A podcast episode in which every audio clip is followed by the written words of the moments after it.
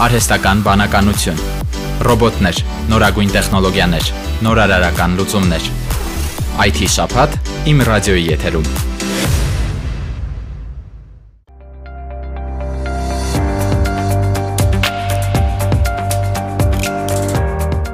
Արդեն 1 տարի է ինչ գործում է SafeU հավելվածը, որի նպատակն է կանխարգելել կանանց նկատմամբ բռնությունը։ Իմ ռադիոյի ստուդիայում է հավելվածի համահեղինակ Մարիամ Թորոսյանը։ Բարև Մարիամ, շնորհակալ եմ հրավերն ընդունելու համար։ Շնորհակալ եմ հրավերի համար։ Մարիամ, սկզբից կպատմեք, ինչը պատճառ դարձավ, որ որոշեցիք նման հավելված ստեղծել։ Հավելվածն իր ճամփորդությունը սկսել է 2018 թվականին, երբ Ձեռնարկությունների ինկուբատոր հիմնադրամը հայտ ներկայացրեց եւ 200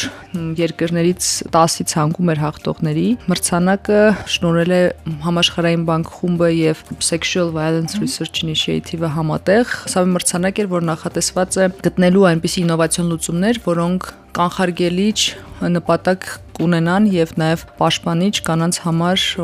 ավելի ճիշտ սերով պայմանավորված բռնության դեմ եւ այնպես ստացվեց որ 2018 թվականը ամբողջությամբ նվիրվեց գտնելու այնպիսի թիմեր, որոնք կարողանան ստեղծել կամ առաջարկել նմանատիպ գաղափարներ իսկ 2019-ին արդեն ձևավորվեց թիմ, որը որ սկսեց ավելի խոր ուսումնասիրություն իրականացնել գոյություն ունեցող տարբեր լուծումների նաեւ հասկանալով թե ինչ ինչ է պակասում այսօր աշխարհում եւ այդ ամբողջ ընթացքում մենք աշխատել ենք եւ տեղեկատվական տեխնոլոգիաների մասնագետների հետ եւ կանանց նկատմամբ բռնության միջազգային եւ այսպես ասած մեր Հայաստանի Հանրապետությունում արկա մասնագետների հետ եւ այդ սիներգիայի արդյունքում ստեղծվեց մի պրոտոտիպ, որը հետագայում գրանցվեց մի կազմակերպություն Impact Innovation-ների ինստիտուտ, որի հիմնադիրը ես եմ, որը հանձն առավ վերջնականացնելու հավելվածը եւ այն հանելու շուկա, դարձնելու այն հասանելի App Store-ում, թե Google Play-ում եւ նաեւ դա տարածելու ամբողջ աշխարհով մեկ։ Քանի որ արդեն ծրագիրը ավարտված էր, մենք որոշեցինք, որ պետք է այն շարունակական լինի եւ իրական լուծում ստեղծվի։ Շատ լավ։ Safe-ю հավելվածը պետք է ներբեռնել հեռախոսի մեջ, գրանցվել եւ վտանգի դեպքում սեղմել help կոճակը։ Այս դեպքում ոստիկանությունը ահազանգը գնում, ինչպես է այդ հավելվածն աշխատում։ Տեսեք, հավելվածի ներբեռնումը իրականում շատ հեշտ է, այսինքն այնպես ինչպես մենք մեր հեռախոսների մեջ ներբեռնում ենք WhatsApp։ Ես արդեն ներբեռնել եմ։ WhatsApp WhatsApp, Viber կամ Facebook, այդ նույն կերպով մտնում ենք այդ շուկաներից որևիցե մեկը, App Store կամ Google Play եւ ներբեռնում ենք։ Գրանցվելու ժամանակահատված իրական շատ կարճ է տևում, ընդհանրապես պետք է ճիշտ անուն ազգանուն ասեն, որովհետեւ անուն ազգանունը կանչ կոճակը սեղմելու դեպքում ուղարկվում է SMS-ի հետ, ապա նաև այնտեղ կեղծանման հարց կա, որովհետև այլ օկտատերերը, եթե դուք օրինակ ներգրավեք այնտեղ քննարկումների հարթակ է նաև, քննարկումների մեջ կտեսնեն միայն ձեր կեղծանունը, այսինքն սա եւս կարևոր հանգամ հանգամանք է հավելվածի համար։ Այնուհետև ամենասկզբում, երբ որ դուք արդեն գրանցվեցիք, ձեզ գալիս է կոդ, որpիսի ձեր հեռախոսահամարը ճշտվի, որ ճիշտ է գրանցումը։ Այնուհետև առաջարկվում է ընտրել համապատասխան կոնտակտներ, որոնց դուք կարող եք ահազանգել, երբ որ գտնվեք վտանգի դեպքում։ Դրանք են մինչև 3 կոնտակտ ձեր կոնտակտ լիստից, այսինքն մենք դրանց կոչում ենք ընտանիք եւ ընկերներ, մինչև 3 կոնտակտ կարող է ընտրվել ծառայություններ մատուցող կազմակերպությունների կազմից, որոնց մեջ հասարակական կազմակերպ կազմակերպությունները նաև մարդու իրավունքների պաշտպանի գրասենյակը եւ կա այնտեղ ոստիկանության կոճակ, որը որ գտնվում է անջատված վիճակում, մենք կարելի է ակտիվացնել ոստիկանությունը եւս տեղեկացված կլինի։ Այնուհետև եթե հանկարծ Աստված չանի որոցը մեկը հայտնվում է վտանգի մեջ, ուղղակի բացում է հավելվածը, սեղմում է կոճակը եւ զանգ է գնում ոստիկանություն։ Չէ, SMS SMS հաղորդագրություն է գնում, որի մեջ նշվում է տվյալ անձի անուն ազգանունը, հեռախոսահամարը, գտնվելու վայրը եւ կարճ հաղորդագրություն, որ տվյալ անձը գտնվում է վտանգի մեջ։ Նաեւ լինք է ուղարկվում կոնկրետ մարդու տեղակայմամբ, որտեղ հասցեն շատ հաճախ կարող է սխալ GPS-ը որոշակի սխալ կարող ունել, դրա համար ամեն դեպքում քարտեզնել է առանց առանձին ուղարկվում։ Դրա հետ միասին նաև հավելվածը ունի ապացույց տվյալ պահին նաև ինքը կարողանում է, այսպես ասենք, ձայնագրություն իրականացնել եւ դա հետագայում ապացուցողական հիմք է ծառայում, եթե խնդիրը հասնում է ճորքնո հետաքննության կամ դատական process-ի։ Ոստիկանության հետ համագործակցում եք հա ծրագրի շրջանակներում։ Այո, անպայման ոստիկանության հետ հենց առաջին օրերին մենք իրենց իրազեկեցինք, որ նման հավելվածի վրա ենք աշխատում, դեռ նույնիսկ հավելվածը դուրս չէր եկել App Store եւ Google Play, մեզ համար քրիտիկական կարեւորություն ունի ոստիկանության հետ համագործակցությունը համագործակցությունը եւ բավականին լավ ընդունվեց իրենց կողմից ամենաբարձր մակարդակով։ Մենք նաև քննարկում ենք նրա մասին հիմա, որ մեր համակարգերը ինտեգրենք իրար եւ ոչ թե միայն email-ի եւ SMS-ի միջոցով իրանք ստանան ահազանգները, այլ նաև այլ ավելի տեխնիկական առումով ավելի բարձր մակարդակի համագործակցություն կարող է ստեղծվել։ Իսկ բացի ձայնագրելուց, այդ help կոճակից ել ինչ գործառույթներ ունի այս հավելվածը, որով անհրաժեշտության դեպքում կարող է օգնել դժվարին իրավիճակում հայտնված կնոջը։ Հավելվածի մեջ կարևոր մի մաս կա, որին ցանց ենք անվանել, դա այդտեղ փորձել են կոնսոլիդացնել են բոլոր կազմակերպությունները, որոնք այս կամ այն կերպ աջակցում են կանանց, դրանք ոչ միայն բռնության դեպքում կանանց աջակցություն ցուցաբերող կազմակերպություններ կազմակերպությունները, նախաձեռնությունները կամ պետական մարմիններն են, այլ ընդհանրապես որովիցե, չգիտեմ, տնտեսական հզորացման առումով, սոցիալական այլ խնդիրների դեպքում հզորացնող, այսինքն փորձել ենք տարբեր կատեգորիաների մեջ նաև համախմբել այդ բոլոր կազմակերպությունները, նաև դրանք քարտեզագրել, որովհետև շատ են եղել դեպքեր, երբ կին օրինակ ինչ որ մի մարզում տանես դուրս է գալիս եւ չգիտի թե ուր պետք է գնա, որտեղ է մոտակա ապաստարանը կամ ինչ ծառայություններ կարող է դիմել եւ մենք փորձել ենք այս բացը փակել այս գործիքով, որի անունը ցանց, իսկ մյուս գործիքի անունը ֆորում է, դրանք ըստ էության քննարկման հարթակներ են, որտեղ կանայք կարող են մտնել եւ այդ քննարկման սենյակներում, որոնք թեմատիկ են, իրենց հուզող խնդիրների շուրջ խոսել այլ կանանց հետ անոնիմ կերպով, սակայն նաև ստանալ խորհրդատվություն հոգեբաններից, իրավաբաններից, բժիշկներից, ովքեր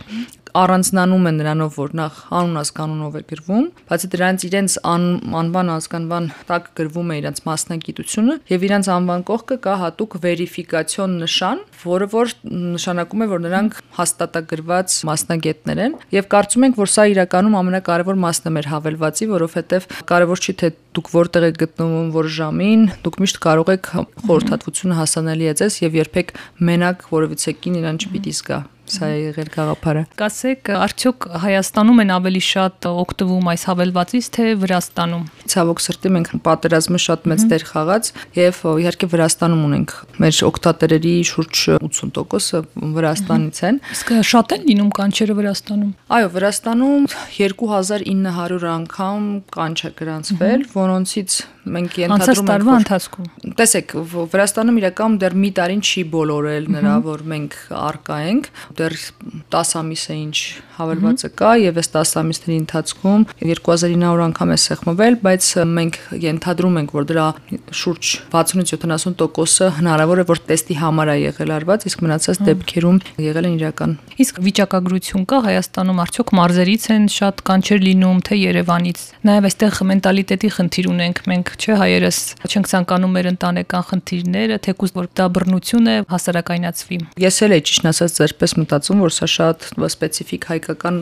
մեր մշակույթից բխող խնդիր է, բայց հետագա մեր ուսումնասիրությունները եւ քանի որ մենք արդեն համագործակցում եւ բանակցում ենք այլ երկրների հետ, տեսնում ենք, որ շատ նման են խնդիրները, նաեւ այլ նաեւ շատ զարգացած երկրներում եւ կարծում եմ, որ հենց այն հարթակը, որտեղ որ մենք քննարկումներ պիտի իրականացնենք, դա պիտի մեծապես օգնի, որ կանայք սկսեն խոսել թեմաների շուրջ, որտեղ այդտեղ իրանք բացարձակ անոնիմ են խոսում եւ նաեւ տեսնելով մեկի եւ մյուսի, այսպես ասած, հաջողության պատմությունները, նաեւ հասկանալով թե ինչպես կարելի է միջավայրից դուրս գալ կամ ինչպես կարելի է միջավայրը փոխել, սա եւս կարեւոր է, այսինքն մենք կարող ենք արձագանքել բռնության դեպքին մարդու կյանքի եւ առողջության համար կարեւոր դեր կարող է խաղալ հավելվածը, բայց արդյոք մենք կկարողանանք հասնել նրան, որ ինքը նաեւ կանխարգելիչ նշանակություն ունենա եւ դրա համար պետք է անդրադառնանք իհարկե դրա ակունքներին, ինչի է առաջանում այդ միջավայրը բռնության եւ փորձենք կանխարգելել բռնությունը ավելի շատ, քան ուղակի պաշտպանություն իրականացնել։ Իսկ փորձը ինչ է ցույց տալիս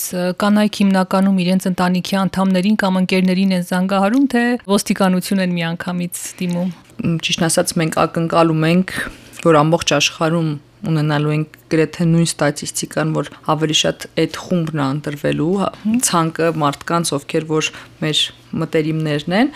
ընտանիք եւ ընկերներ, բայց էս էլ է մեզ համար կարեւոր տվյալ լինելու, տեսնելու եւ հասկանալու որքան է, եթե մենք իհարկե համաչափ տեղային տեղեկացություն տարածենք, օրինակ, ինչի է պետք դիմել ոստիկանությանը եւ որ դեպքերում հասարակական կազմակերպությունները եւս ակտիվորեն դրա մասին իրազեկեն եւ հետո մենք կտեսնենք իրական պատկերը, թե ինչքանով են կանայք ընտրում Իսկեն որն է տոկոսային հարաբերակցությունը մեր երկրում եւ արդյոք մենք հավատում ենք ինստիտուտներին, արդյոք մենք վստահում ենք հասարակական կազմակերպություններին եւ որքան է այդ վստահության մակարդակը, որ մենք իրական վտանգի դեպքում կդիմենք նրանց թե ոչ։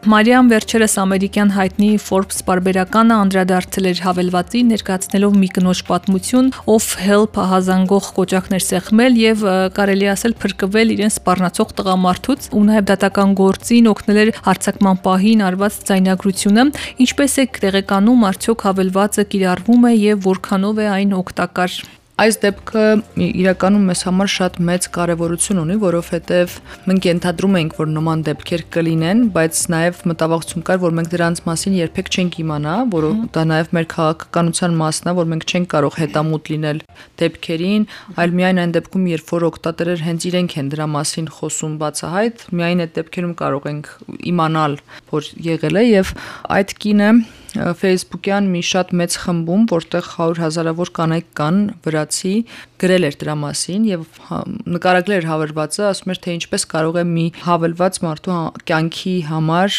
վճռորոշ նշանակություն ունենալ եւ նկարագրել էր, պատմել էր իր կյանքի պատմությունը, բարդությունները, ինչպես է եղել երեխայի ամուսնու հետ կյանքը, ինչ ամուսնու սպառնալիքները եւ ինչպես է հասել նրան, որ ինքը ստանալով արդեն սպանության սպառնալիքներ ամուսնուց դիմել է իր իրավաբանին եւ իրավաբանը իրեն խորհրդատվել իդեպ այդ իրավաբանը նաեւ մեր գործընկեր կազմակերպությունում է աշխատում իրեն ասել է որ պարտադիր պետք է ոստիկանություն դիմես քանի որ ոնց որ սպառնալիքը իրական է եւ ապացույցներ էին հավանաբար պետք բայց կինը ասել է չէ չեմ ուզում դիմել իսկ այդ դեպքում չենք կարող ստիպել ասել է լավ դե եթե չես դիմում գոնե քաշիր ներբեռնիր հավելվածը safe-ю եւ եթե հանկարծ աստված մի արած իրական լինի սպառնալիքը կարող ես այդ հավելվածից օգտվել եւ ուղիղ 2 օր հետո հավելվածը նրան պետք է գալիս, որովհետեւ երեխային մանկապարտեզից վերցնելուց հետո շարժվում են հայգու ուղությամբ եւ այնտեղ այդպես ոչ մարդաշատ տեղում հարցակում է լինում երեխայի եւ իր վրա եւ վերջին պահին կինս կարողանում է սեղմել այդ կանչ կոճակը իրենց մոտ որոշեն սոս իրան անվանել եւ այնպես է ստացվում, որ կինը պատմում է, նկարագրում է հետո դեպքը, ասում է, եթե ես փորձեի զանգեի, ես չէի կարողանա դա անեի, եւ եթե նույնիսկ հասցնեի զանգեի, չէի հասցնի ասեմ թե ուր եմ, բայց դրանց որ դժվար կներ հասցեն բացատրել եւ մեծ էր վտանգը, որ կարող էին ուղակի հեռախոսը վերցներ եւ ել ավելի ջղայնացներ դա իրեն ինք շարունակիր գործողությունները կամ էլ փախուստի դիմեր իսկ այս դեպքում ոստիկանությունը եկավ շատ կարճ ժամանակում եւ ինքը չհասկացավ թե ինչ է կատարվել ինչպես է ոստիկանությունը իմացել եւ եկել եւ այդպես նախկին ամուսինը ձերբակալված է հիմա կալանքի տակ է գտնվում դատարանում էլ այդ դատարանում գործը ձայնակ այո այդ ձայնագրությունը համարվել է շրջադարձային այո վճռորոշ դեր որpիսի հենց սպանության փորձի համար նա դատվի այլ ոչ այլ հոդվածով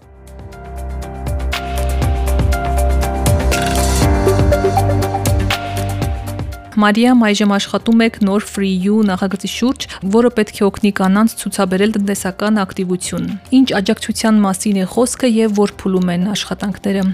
Երբ որ մենք աշխատում էինք Safe-ի վրա, դեռ հեն ամենասկզբում հասկացել էինք, որ անպայման պետք է նաև տնտեսական հզորացման գործիքներ ունենանք մեր արսենալում։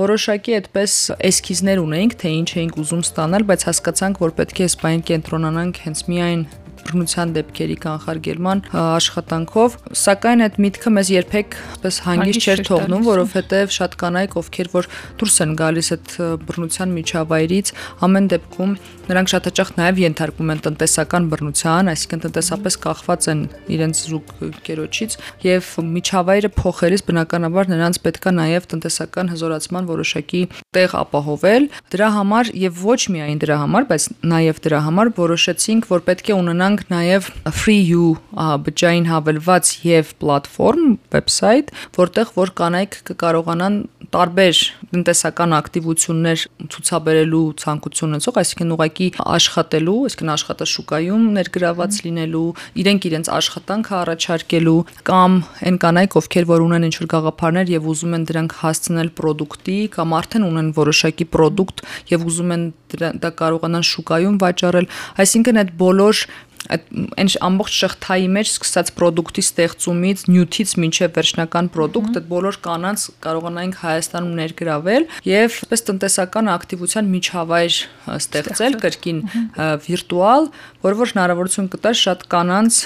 նախ իրենց փորձել ձեռնարկատիրության մեջ եւ բոլոր նրանց էլ ովքեր չեն ցանկանում դա այլ ուրիշ ուղով են ուզում մասնակցեն տնտեսությանը դա անել։ Սա հիմա կոնցեպտի փուլում է, այսինքն մենք շատ խորելի վերլուծություն են կատարել եւ հասել ենք նրան, թե ինչ գործիքներ պետք է լինեն, ինչպես պիտի աշխատեն։ Արդեն անցնում ենք դրա դիզայնի փուլին, թե ինչպես պետք է աշխատի, որպեսի հեշտ լինի օգտագործել կանանց համար կրկին հասանելիության խնդիր լինի լեզուների, հետագայում նաեւ ելի նորից ուրիշ երկրներ դուրս գալու եւ դեռ այստեղ ենք հասկանում հասկանում ենք, որ սա շատ ամբիցիոզ պրոյեկտ է, սրա համար մեզ պետք կլինեն շատ աջակիցներ, նաև ինչու՞ չէ ֆինանսավորում եւ համոզված ենք, որ մոտ ապագայում նաև կկարողանանք լուրջ ջանքեր գործադրել, որ այս լուծումը եւս հանենք շուկա։ թող բռնությունը տեղ չունենա եւ ոչ մի կնոջ կյանքում եւ ձեր նախագծերն էլ օգնեն կանանց միայն տնտեսական առաջընթաց ունենալու գործում։ Շնորհակալ եմ Մարիամ հրավերն ընդունելու համար եւ ռադիո լսողներին հիշեցնեմ, որ զրուցում էի Սեֆյու հայկական հավելվածի համահեղինակ Մարիամ Թորոսյանի հետ։